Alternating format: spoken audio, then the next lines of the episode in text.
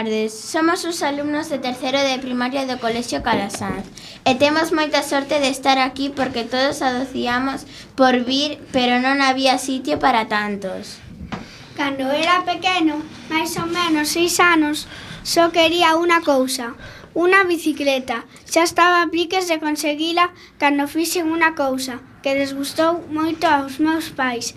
Unha mañá de verán, porque quería ser bo, Erguinme cedo, metíme na cociña e púxenme a preparar o almorzo.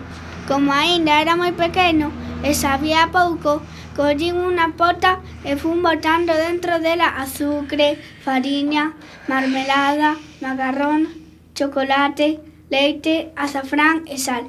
Despois puxeme a remexer todo aquilo ata que chegaron os meus pais, que se levaron un desgusto enorme pola desfeita. Como consecuencia do desgusto, sen saber o porqué, aquel ano, en vez de bicicleta, os reis botáronme carbóns. O da bicicleta quedara nunha bella ilusión. O que non entendía era como o meu pai, que tiña unha bicicleta magnífica, andaba tan mal e caía tantas veces. En menos dunha semana rachara tres pantalóns e pillara unha señora.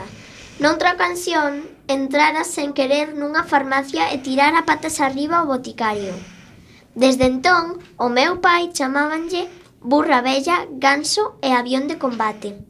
Moitos veciños cando vían chegar na bicicleta metíanse nos portais e pedían socorro. Pero volvendo ao que eu quería, unha bicicleta para andar polo medio da rúa ah, facendo chulería e decir, soltando as mans e dando sol, saltos. A verdade é que xa por, probará e que en segredo a bicicleta do meu para para non caer e facía ruido coa boca como se estivese guiando. Pero un día di, decidín soltarme. Metín a perna por debaixo da barra e arrinquei. A primeira caída foi bastante gorda e fíxeme un croque na cabeza. Na segunda esfolei unha orella, na terceira estaba claro que ia ser un campión e funo moitas tardes no garaxe, no garaje. Como non podía sair á horta por medo de que me visen desde a ventá da cociña, tiña que andar naqueles poucos metros, esquivando caixóns, maletas velas, latas de gasolina, neumáticos, carretas angasas, caixas de ferramentas, gaiolas de paxaros e unha cama bella. Desta maneira convertirme nun fenómeno. Cheguei incluso a andar sen caer por riba do rabo dun sacho. E mesmo era capaz de saltar por riba da cama ou de subir no alto dun caixón. Pero un día decidín experimentar o aire libre. O problema era que se sacaba a bicicleta para andar pola horta, seguro que me vían desde a cociña. Entón pensei nun muro que non se vía desde a casa. Aínda que era demasiado estreito para andar por riba del na bicicleta, a pesar de todo, estaba decidido. O peor foi subir a bicicleta ata alto, pois pesaba moitísimo. Acordeime de que as formigas son capaces de levar as costas un peso superior ao do seu propio corpo. E pensei que eu, que era un neno, non podía ser menos que unha formiga. O que máis me sorprendeu cando xa estaba arriba era a altura do muro. Por iso que o mellor era mirar para diante. De xeito que coloquei a bicicleta e metín a perna por debaixo da barra e din a pedal. De pronto que sentín que só quería correr e púxeme a correr a unha velocidade terrorífica. Ao chegar ao remate do muro, peguei unha freada perfecta cun salto limpo e di na volta e, e, cor, e a, corren de, en dirección contraria. Estive correndo daquela maneira durante case unha hora. Mentres tanto, miña nai que estaba na cociña Desde a fiestra vi unha cousa negra, como se fose un rato grande que camiñaba por riba do tellado do garaxe. De súpeto decatouse de que aquela cabeza era a miña. Pegou un berro, acudiu meu pai e os dous xuntos baixaron a horta para ver que pasaba. Ao chegaren, quedaron paralizados. Verme correndo polo alto do muro daquela maneira entolecida, pagando aquelas freadas a dous centímetros do final e logo dar aquel pincho no aire estivo a punto de lles causar algo malo.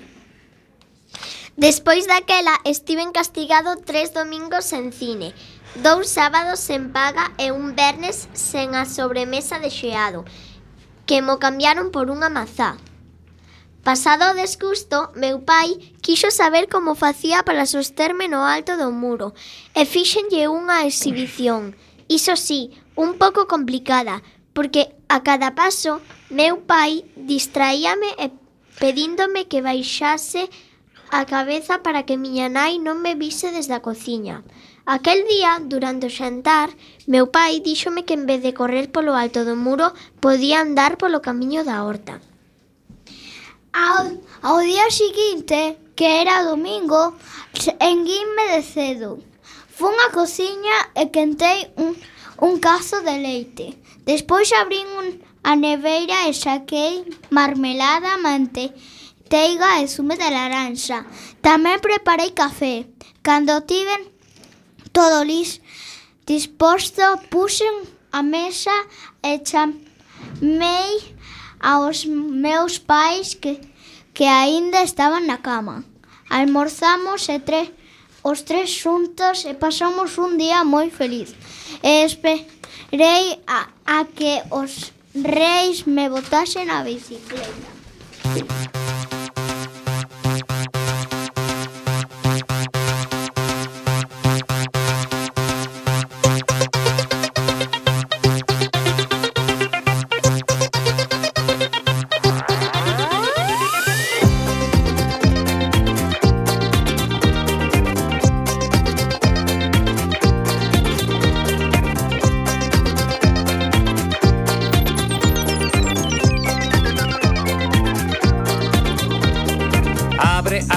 estrellas, palabras a voar, saindo pola antena, aterrando polo chan. O falar non ten cancelas, vai daqui para cola. Chega radio falangueira que te vai facer pensar. Uh,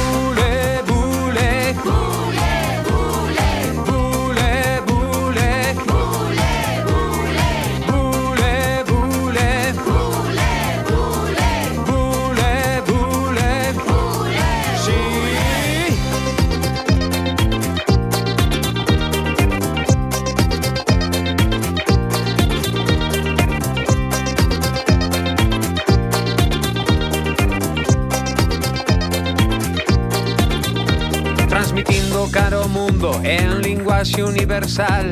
Todos teñen o seu sitio preparados, listos xa Emitindo, conectando do outro lado do dial. Bule, bule polas ondas a tua voz xa vai soar. Bule,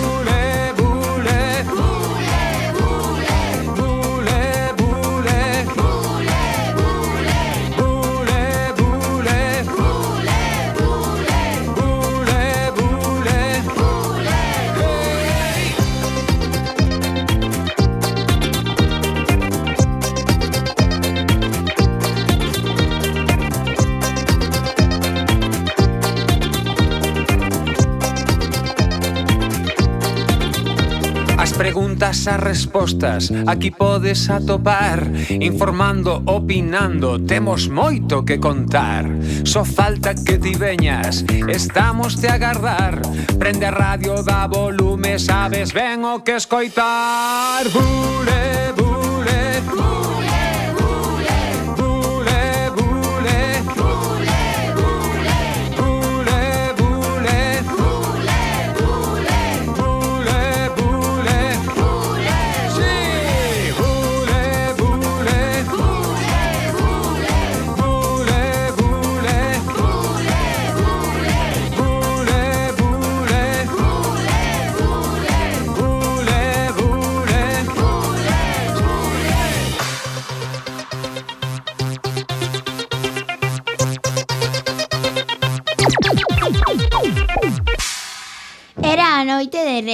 non daba quedado dormido. Por fin tería a miña bicicleta.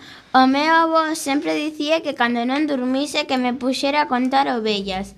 El contárame unha historia dunha ovella. Era unha ovella branca que vivía nun reba rebaño de ovellas negras como café. Era o que se di, un rebaño de café cunha nube de leite. Aquela ovella branca chamábase B, porque as ovellas só coñecen esas dúas letras do abecedario. As ovellas teñen tantas letras E no seu nome como aniversarios. Por iso, B tiña tan só dous anos. O rabaño traballaba para un pastor que todas as noites se deitaba debaixo dun balado e facía saltar unha vez unha e outra vez por riba del para contalas e quedar dormido. Pero B era moi curiosa e soñadora Por iso unha noite, mentras brincaba por, por sétima vez por riba do balado, preguntouse que contarán as ovellas para dormir? Como non atopou resposta, preguntoulles a outras ovellas do rabaño, pero estas tampouco lle sube, souberon dicir. Aquela mesma noite, B decidiu ir procurar a resposta da súa pregunta. Así que chegou os petos do seu traxe el dela con erva fresquiña por se tiña fame e colleu unha pouca neve do outeiro por se tiña sede e comenzou a súa viaxe. Sete pasos máis un ve atopou un sapo moi gordo que comía moscas nunha poza e díxolle Ola, señor Sapo, vostede sabe que contan as ovellas para dormir? Non che sei contestar, eu conto ovellas para soñar. No, pou, no, un pouco confusa a ovella branca tombou, tumbou, tombouse na erva e probou a contar sapos para dormir. E así fixo, contou un sapo salta, saltaba por riba dun balado. E xusto cando, cua, cando iba a contar dous, o segundo sapo fixo crac, crac. Entón a velliña espertou. B intentou volver a pechar os ollos, pero como non sabía que contar para dormir, seguiu camiñando. A sete pasos máis dous, a velliña branca atopou un gato que ceaba tranquilamente un rodaballo en riba dun carballo. Con algo de sona, B díxolle... Ola, señor gato. Vostede sabe que contan as ovellas para dormir? Non che sei contestar. Eu conto ovellas para soñar. Algo cansada a velliña branca estomballouse na erva e probou a contar sap gatos para dormir. E así fixo contou un gato que saltaba por riba dun balado e contou dos, pero xusto cando ia contar tres, o terceiro gato fixo miau, miau, miau. Entón a velliña espertou. B intentou volver a pechar os ollos, pero como non sabía que contar pa, para du, se dormir, seguiu camiñando. Sete pasos máis tres, a velliña branca atopou un porco que se enzufaba nunha poza chea de lama. Con bastante sono, B díxolle... Ola, señor Porco. Vostede sabe que contan as ovellas para dormir? Non che sei contestar. Eu conto ovellas para soñar. Con algo de sono, a ovellina branca deitouse na erva e probou a contar porcos para dormir. E así o fixo. Contou un porco que saltaba por riba dun balado, contou dous, ata contou tres porcos. Pero xusto cando ia contar catro, o cuarto porco fixo oink, oink, oink, Oink. Entón a vellina despertou.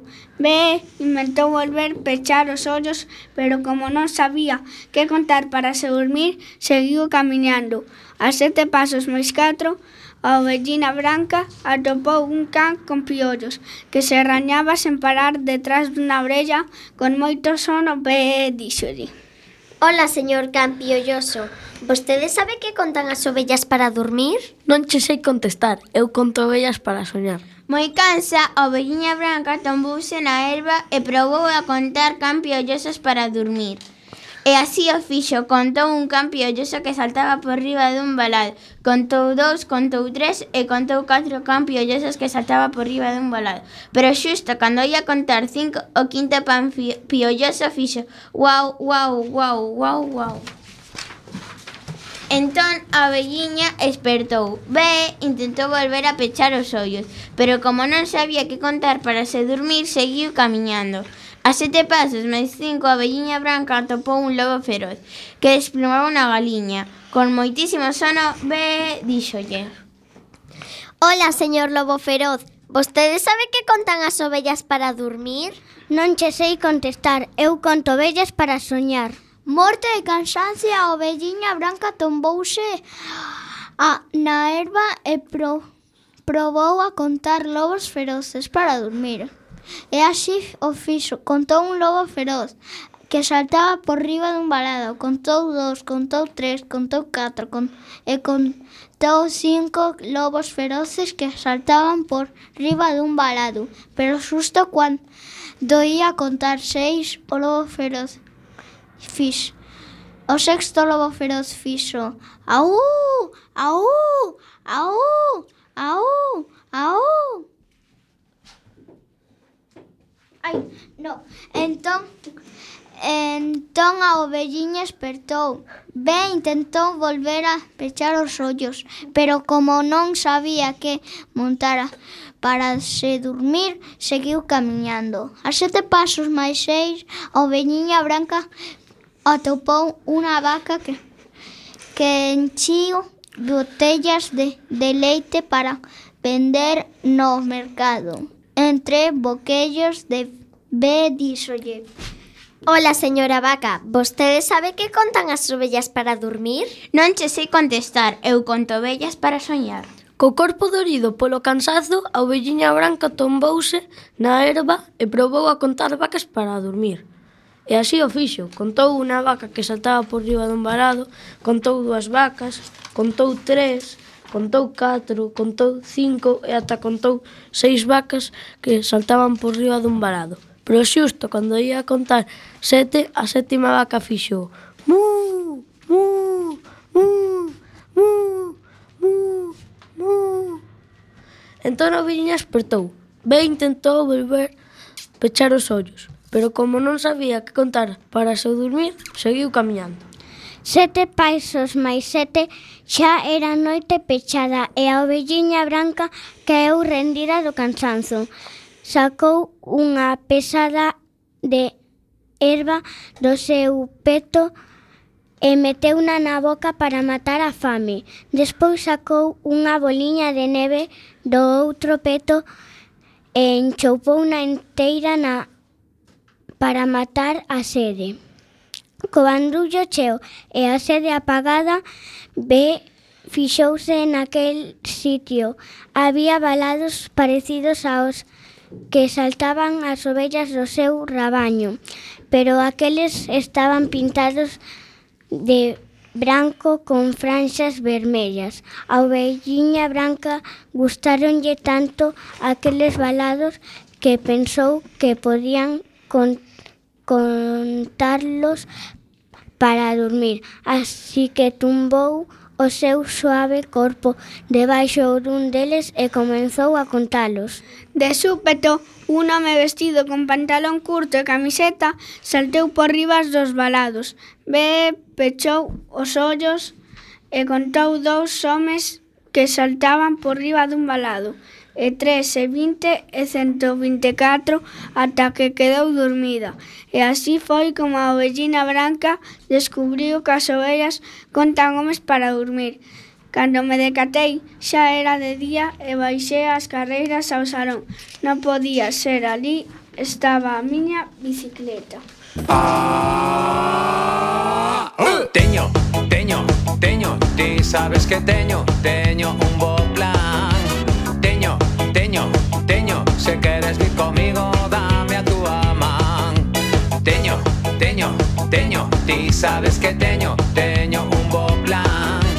Teño, teño, teño Se queres vir comigo dame a túa man Ven comigo ao teatro É un día sinalado Hoxe hai función. Pasaremos un boanaco Se saen monicreques Riremos a cachón. É xenial ir ao cinema, non temos problemas, cámara e acción. Sentaremos na cadeira, en fronte da pantalla vemos filmes de terror. Teño, teño, teño, ti sabes que teño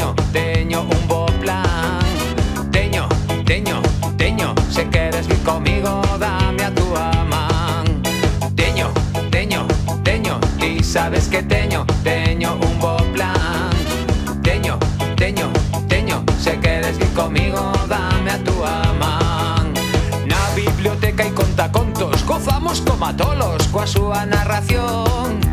Leemos un conto, un poema E se queda tempo imos a unha exposición. Oxe na vila hai un concerto Todos os instrumentos comezan a soar.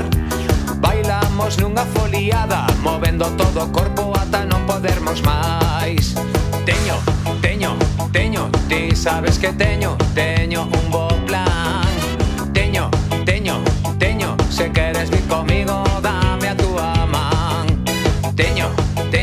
teño, Ti sabes que teño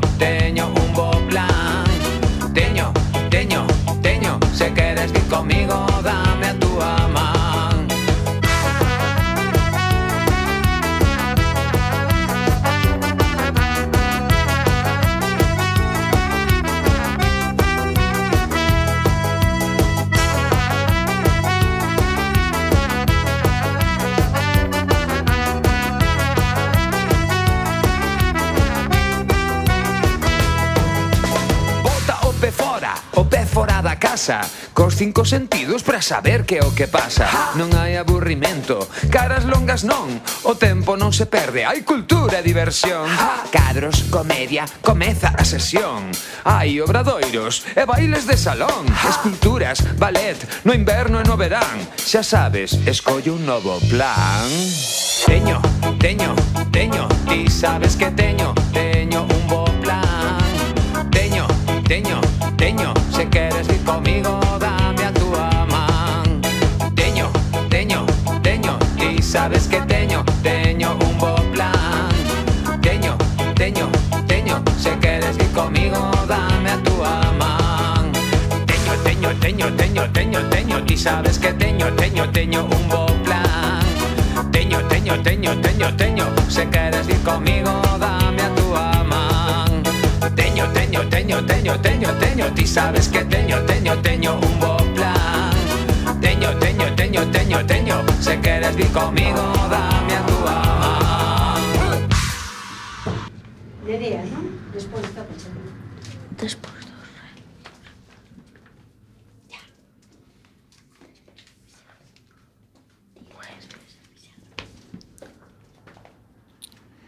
A profesora ten un tente torto.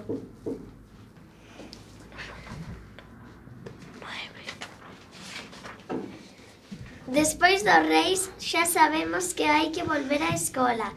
O primeiro día de clase notei que se me abalaba un dente. Empurreino coa lingua cara adiante e o dente deitábase cara adiante. Empurreino cara atrás coa lingua e cara atrás se movía o dente. E non me doía, non me doía nada. Soamente sentía que se abalaba. Vireime de cara ao xacinto e chisquelle o ollo. Xacinto río que era que era o que eu quería porque a el caéralle un dente había tres ou catro días. Despois de fixarme na boca de Xacinto, pensei que non había estar moi guapo sen o meu dente. Estiven xogando coa lingua e máis co dente até que se decatou a mestra chamoume. Que andas a facer na boca? É que se, é que se me abala este dente. A profesora non entendeu o, o que dixen porque mentres falaba metera na boca un dedo para sinalar. Non se meten os dedos na boca. Que o que tes? Abala, abálame este dente. A mestra fixoume abrir a boca e estivos fixándose. Non é nada, o que hai que facer é arrincalo. Non convén a dar moito tempo cun dente así, porque pode sair torto o que ven abaixo. Estás xa moi frouxo. Queres que cho, que queres que cho saque o dente? Sí. A profesora ten un dente torto. Ben Jovín aínda que estaba bastante atrás da boca. Preguntaríalle de gana canto tempo agardara ela para arrincar o que tivera por riba, pero non foi quen de facelo. Foi a maestra á caixa de costura e trouxo un cabo de fío de coser, dobrouno ao medio, enrolouno cos dedos, fíxolle unha lazada e, po e posouno riba dunha folla limpa do caderno saíu para fora, entón comecei a sentir medo, unha amiguiña de, me, de medo. Colleu o dente cos dous dedos e moveu-no facendo algo de forza. Seguíame sen doer. Os outros nenos da clase falaban en baixo e ollaban para ela. Erguín o corpo para facerme o valente. Alí, cabo dunha uña do dedo índice, tiña unha pinguiña de sangue. E volveu a mestra. Traía un vaso con auga. Agora tiña ganas de que alguén falase en alto. O dente doía algo. Pouca cousa, pero algo doía. A profesora me dixo: "Non teñas medo. Cando cho teña rincado, colles o vaso a marchas para o lavabo e ali enxuagas a boca con isto e auga con sal. Non a pases, soamente tes que enxuagar a boca, entendes?" Movín a cabeza para indicar que se entendera. Algo de medo é certo que tiña, porque agora doía. Ou igual non. Quen sabe, se o dente o que quería era darse a valer. Abrina a boca canto puiden, a profesora prendeu o dente coa lazada que fixera no fío, tiña a boca toda chea de cuspe. Sentín un tirón, non doera moito, mais, con todo, con todo, as bagoas viñeronme a lagar os ollos. Non quería chorar. Outro tirón. O cuspe esvarame polo petelo e as vagoas non me deixaron ver o lente empurrado do fío. Arra agarrei o vaso e botei a correr cara ao lavabo máis que nada para que os demais non visen os meus ollos vaguentos. Cando volvín estaba ledo. A mestra tiña o meu dente na man. Era pequeno, máis pequeno do que parecía posto na boca. E desde logo moito máis pequeno que o furado que deixara polo medio dos outros. A mestra díxome... Toma, gárdao. A noite deixalo quedar por debaixo da almofada. Virá un rato tro trocarcho por un galano. Volvín á miña mesa. Alí fixeime mellor no dente. Tiña unha pintiña moura e parecía como se estivese valeiro por dentro. Envolvino nun anaco de papel e funo guardar no estoxo dos cromos. Ollei para os demais nenos. Parecía como se me estivesen algo de envexa. Despois, cando cheguei a casa, mamá chamoume vellos sen dentes e volvinlle dicir o de gardalo a noite por baixo do cabezal para que viñese o rato coa vasallo. A tardiña, papá, miroume a boca, deume unha aperta e un bico, rañoume nas fulazas coa barba e repetiume o do galano. Cando chegou a hora, ou se cadra unha minguiña antes, funme deitar pensando sempre no dente. Ao chegar ao cuarto, sac Saqueino da envolta e, e erguín a almofada e funo colocar con moito tento riba da saba. Despois metínme na cama e non tiña sono, ou mellor dito, non tiña ganas de sono. Pensaba no rato e no galano que me ia traer para tocalo polo dente. Pensei para que para que queren os ratos un dente neno, un dente de neno. Agudicei o oído para saber que da chegada do rato. Non era doado. Hai moitos murmurridos na noite dunha casa de aldea que poden parecer a chegada dun rato. Oense o lonxe ruidos de máquinas e animais.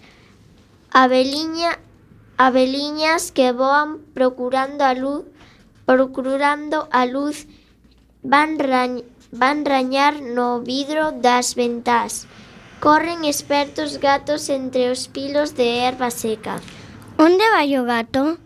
Onde vai Bigotes? Onde vai agora? Teño medo. Bigotes non casará o rato que me trae o galano? Pero teño sono. O sono é como unha nube grande mesta, unha nube mol cun sonriso que bica moi a modo as miñas pálpebras. Pero hoxe non quero o sono, xa que estou agarrado. O sono non debería bicar a xente que agarda. Se o gato quedara a dormir fora na erva, un reloxo.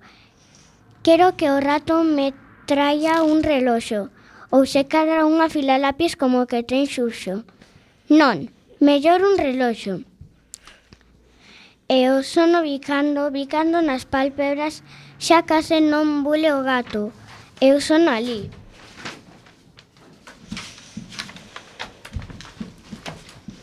No fallado está o bigotes, quedo ollando para un buratiño da parede e dime... Deítate na chan e mira. Aí, alo dentro, unha chea de ratos. Chámame a atención un deles grosso, teso, con cara de ter sempre a razón. Está rifando con alguén. Mando que me deas o dente. Sabes que teño dereito a todos os, nente, os dentes do neno. A todos non, este dente é meu.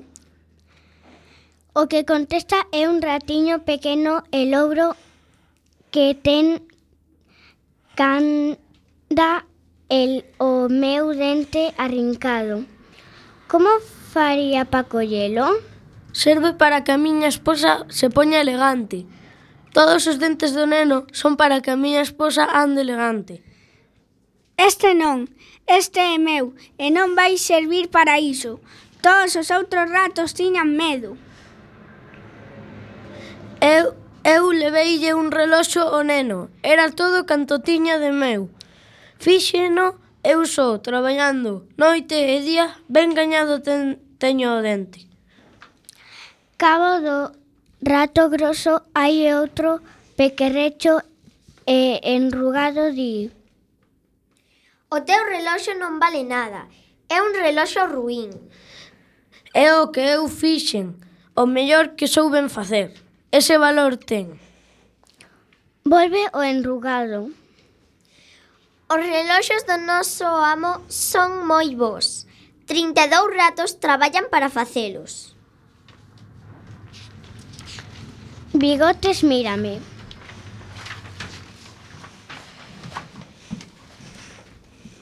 Téñolle unha reteina a ese lambecús. O rato grosso hincha o peito e berra. Pilladeo! O louro fo, foxe dun brinco e sen soltar o dente vaise poñer riba dunha tabre. Alguns dos outros queren botarse a el. Outro pulo enorme e o ratiño louro vai caer ao pé do mandón. Agárrao polos col lares. Paran todos arrepiados. Escoita ben, nunca terás este dente. Non me manques, por favor. Podes levar o dente, pero non me fagas mal. Certo que o podo levar, mais non por i, porque ti modeas. Ti non es que para o que me é meu. Bigotes estáse relamendo. Escoita, escoitade todos. O importante agora non é que ti ten quedes sen este dente, xa tes unha chea deles. O importante é que cando o ne non le saquen outro, haberá un rato que o colla para tor trogarcho para por un gala, galano e ese rato xa non quer, que irá quererá Darcho a ti. E despois haberá outro e outro e ti xa non serás máis o amo dos dentes. Calquera rato ten dereito a seu dente de, de neno. E marcha o ratiño louro sen que ninguén ou se facerlle nada. Os demais rosman algo entre eles e despois van saíndo en orde. Soamente queda o groso e máis o engurrado este chégase ao seu xefe. Non teñas, non teñas medo, todo a seguir igual. Xa me encarguei eu. Vaite deitar, Lolo. Aquí podes coller frío. E ti? Eu agardarei unha amiga. O, o lambecús ten o costume de saír sempre por este buratiño. A miña nai móveme por un brazo e fálame case na orella. Érguete, Lolo, aínda has chegar tarde á escola e facerme chegar tarde a mina ao traballo. Entón, acórdome. Alzo a alfom... almofada Ali está o reloxo que fei, que feitiño é. Vou no poñer na muñeca e mentres bico a mamá que está sonrindo. Sabes, foi un ratiño louro. Pasou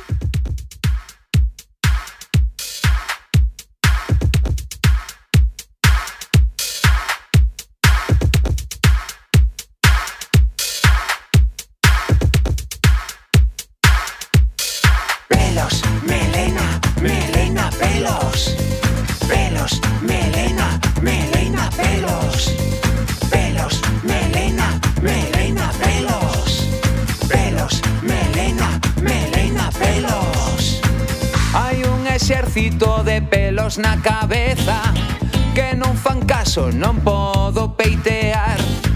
Cada un foxe cara onde lle interesa E non paro de pensar en pelos, melena, melena, pelos. Pelos, melena, melena, pelos.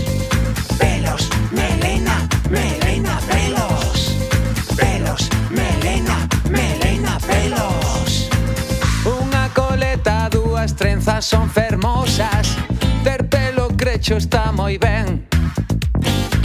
Poñer de punta pode ser interesante Xa non sei o que facer Cos meus pelos melena.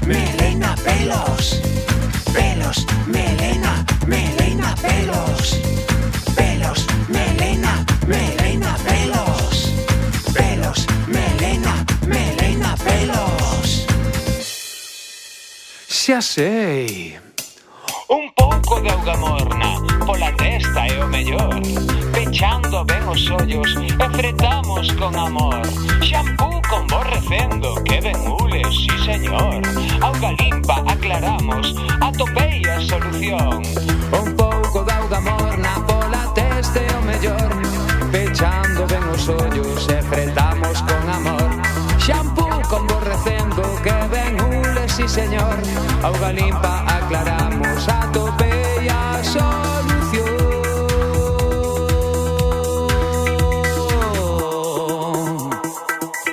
Para os meus pelos.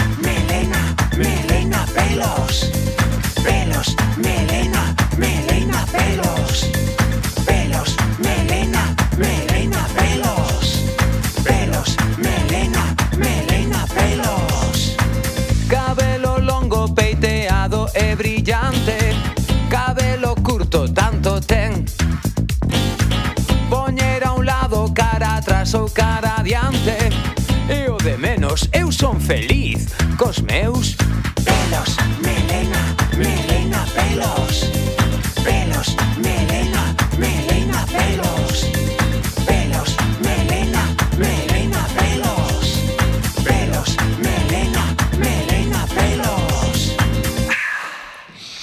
Pasou o curso e chegaron as vacacións de verán.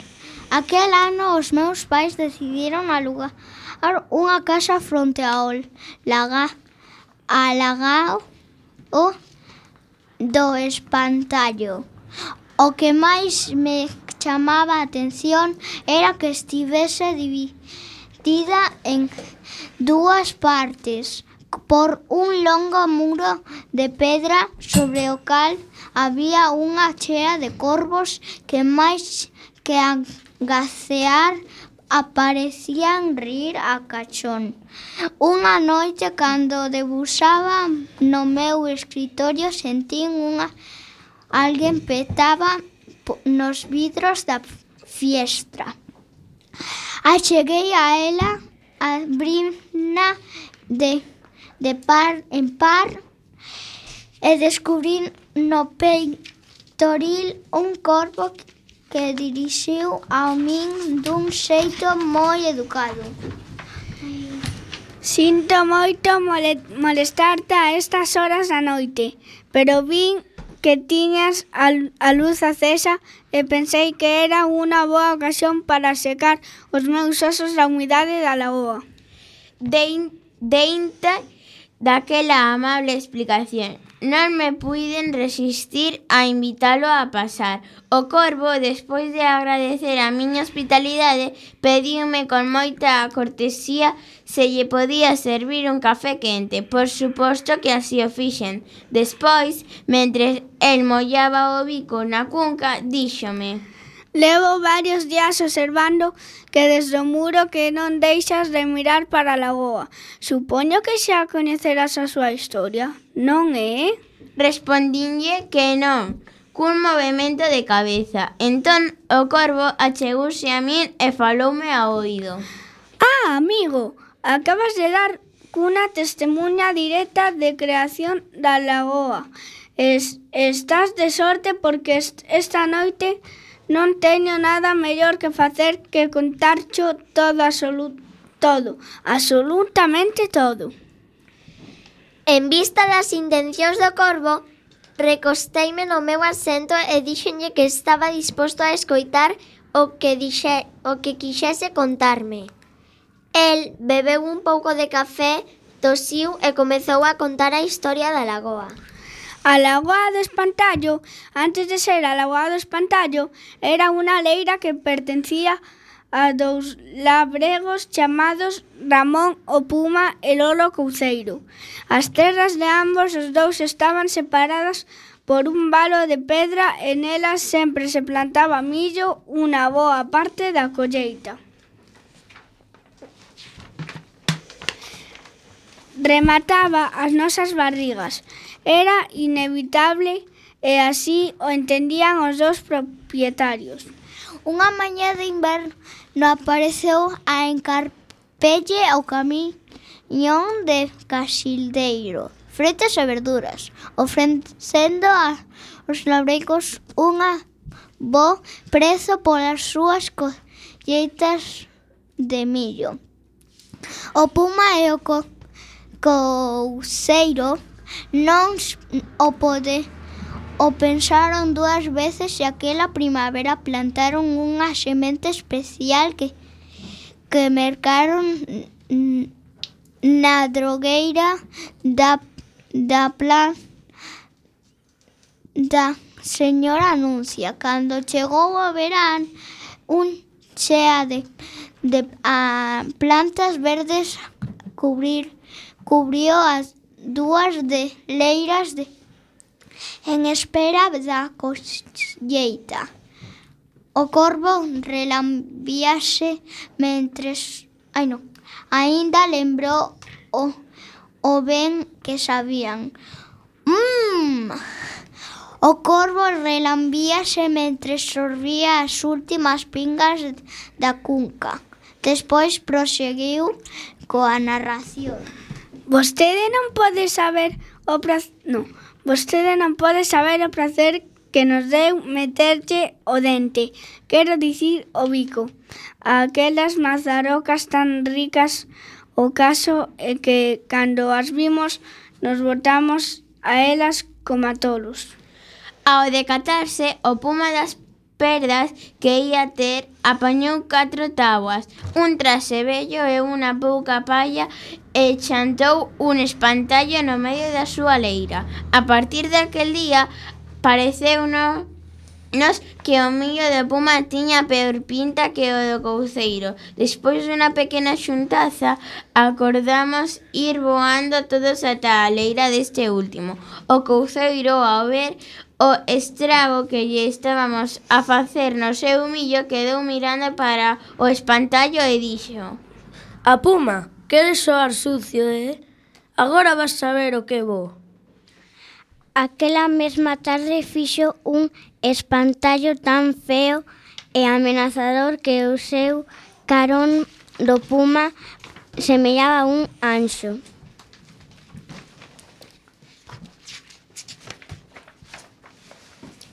As cousas estábanse poñendo tan negras que decidimos convocar outra xuntanza en riba do valo. Por certo, non terás outro pouco de café por aí? Servinlle outra cunca de café e delle unhas galletas para acompañar. O corvo agradeceumo moito. Despois de comer, seguiu contando. Uf, isto de falar da comida dame fame, pero vou continuar coa historia. Por onde ia? Ah, sí, xa me lembro. Dicía que o espantallo do couceiro sí que era feo e que esa foi a razón de que todos os corvos nos xuntásemos no valo para tomar unha decisión.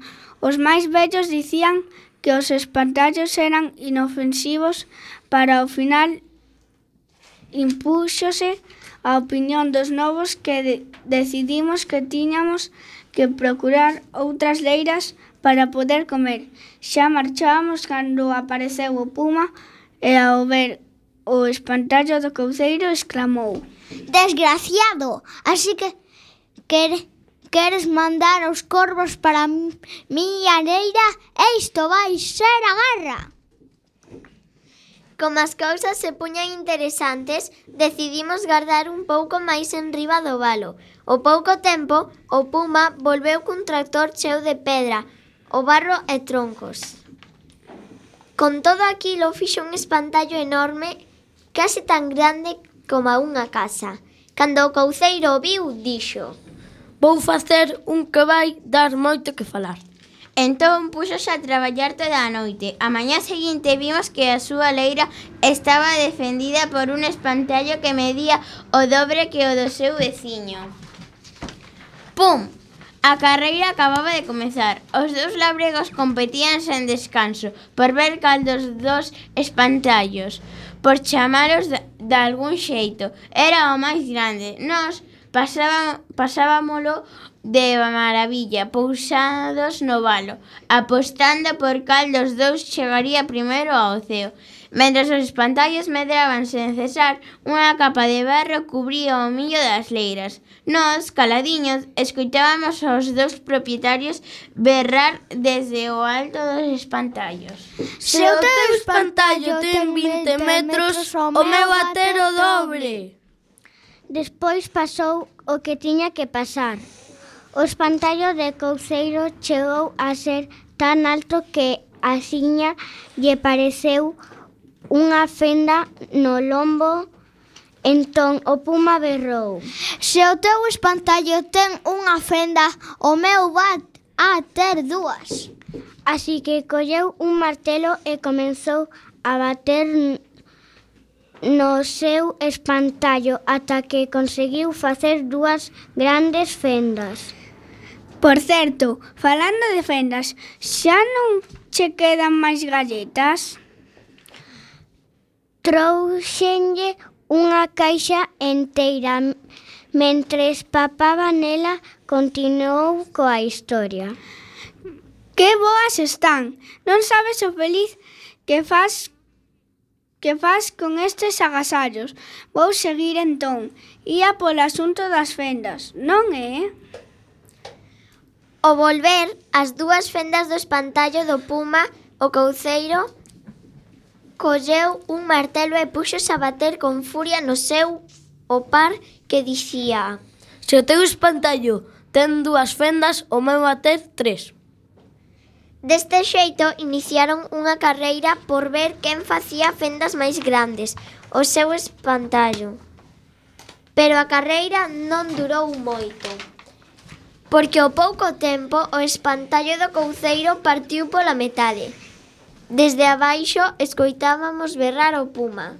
Se ti tes unha espantallo partido pola metade, o meu Eu vou tronzar o meu ata as pernas.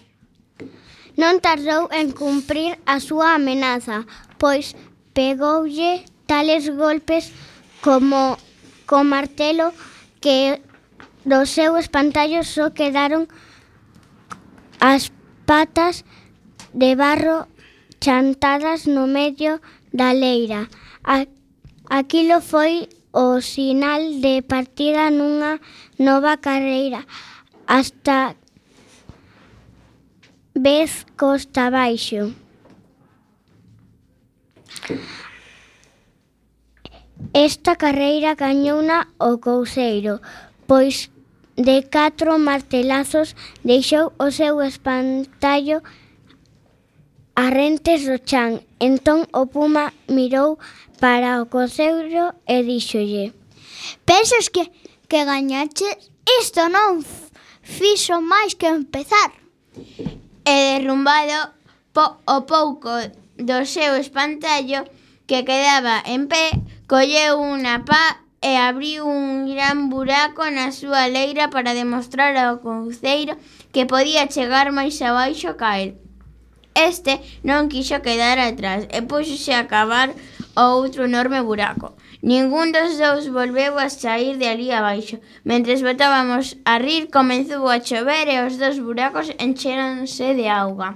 Así foi como naceu a lagoa de Espantallo. O conto remata aquí, pero vexo que está amanecendo. Xa vai sendo hora de marchar. Grazas polo café e as galletas. Ata outra. O corvo saliu voando pola fiestra. Cando vin que se ía afastando, sen, sentín non ter preguntando polas veces polas voces que se escoitaban na lagoa.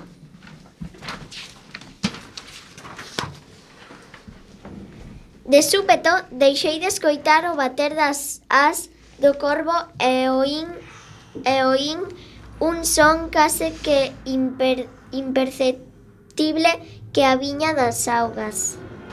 Eran unhas voces misteriosas que dicían Glup, glup, se ti tes 300.000 litros de auga eu vou ter polo menos un millón. Nese momento, decateime de por que os corvos da lagoa do espantallo aínda hoxe rin a cachón.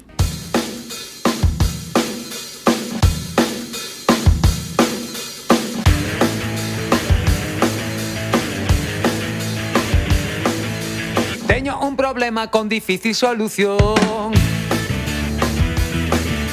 Cando escoito música acelera o corazón. Como unha boliña comeza a medrar. Cando me dou conta xa non podo parar. Si, sí, movendo a perna, movendo o pé.